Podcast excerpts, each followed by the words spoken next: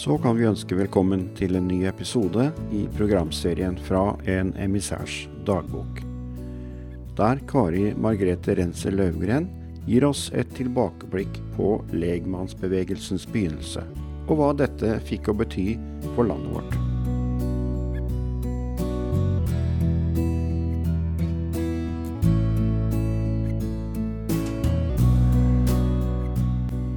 I forrige program ble vi kjent med hvordan det var for far, Torleiv Rensel, å ta seg fram til de ulike stedene, der både spark, sykkel, hest, tog og rutebil var i bruk, men der han også, iført hatt, frakk og kalosjer, måtte ta beina fatt, eller i veikanten rekke ut hånda i håp om skyss, før han i 1958 fikk egen bil.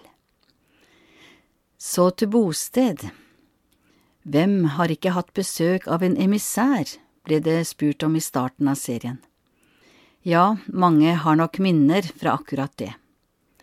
Unntaksvis kan jeg lese i dagbøkene at far tok seg inn på et ungdomsherberge eller et pensjonat.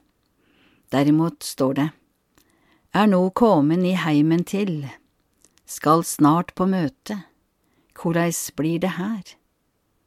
Eller etter en strabasiøs tur langs veien. Godt var det å komme i hus og kjenne varme og gjestfridom og få ei god seng som venta. Ja, det var i hovedsak til ulike hjem emissærene tok inn, og gjemt over til en ny plass hver kveld, enten før eller etter møtet, for så neste dag holde andakt for husets folk, slik det jo sto i instruksen, si adjø og av sted til et nytt bedehus og et nytt hjem. Lettere ble det da han seinere kom tilbake til bygda, nå var det kjente å ta inn oss og mange navn går igjen. Slik det var da vi tok imot emissærer heime, kan jeg huske. Dekka mor på i finstua, der far og emissæren satt, vi andre spiste på kjøkkenet. Søstera mi, elleve år eldre, fikk en gang sitte inne sammen med dem, fortalte hun. De snakka ikke til meg, men det var moro å sitte og høre på, sa hun. Seinere satt vi nå sammen alle, kan jeg huske. For et par år siden så møtte jeg en eldre kar i Hallingdal som huska far sine besøk hos dem. Han delte rom med bror min og meg, sa han. Vi prata koselig sammen, og i ledige stunder lagde han sopelimer til oss. Og så fikk han låne sykkel til møtet om kvelden. Et hyggelig tilbakeblikk å få var dette, og heller blir ikke så mange sopelimer lagd av forkynnere i dag, vil jeg tro.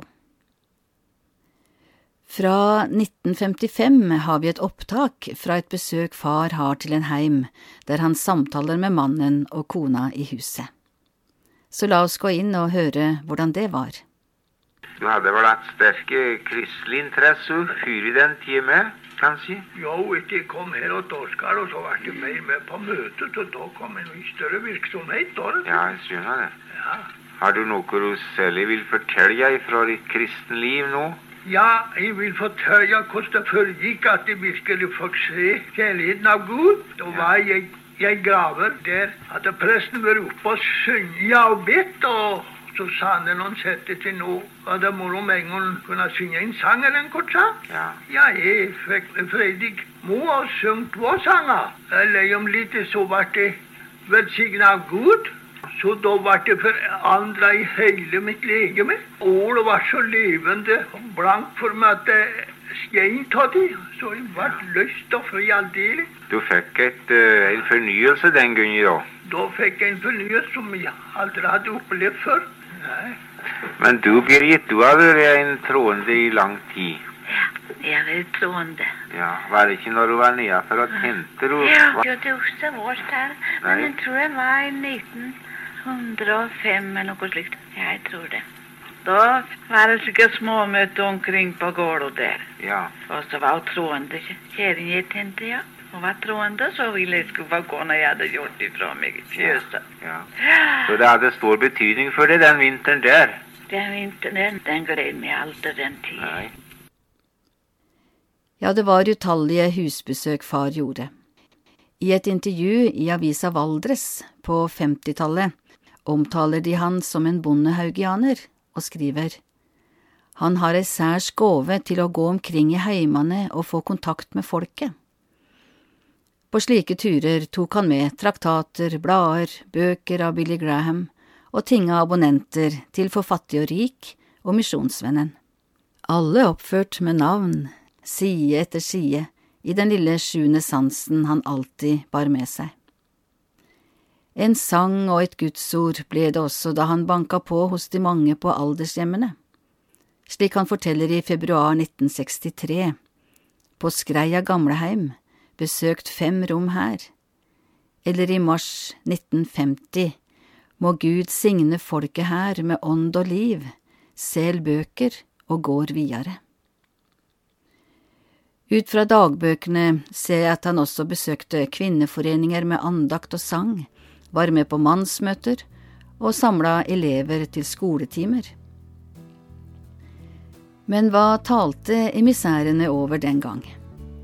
Og kjennetegnene til en lekpredikant, utsendt av Indremisjon eller misjonsorganisasjonene, hva var det? Ja, dette blir det å høre mer om i neste program.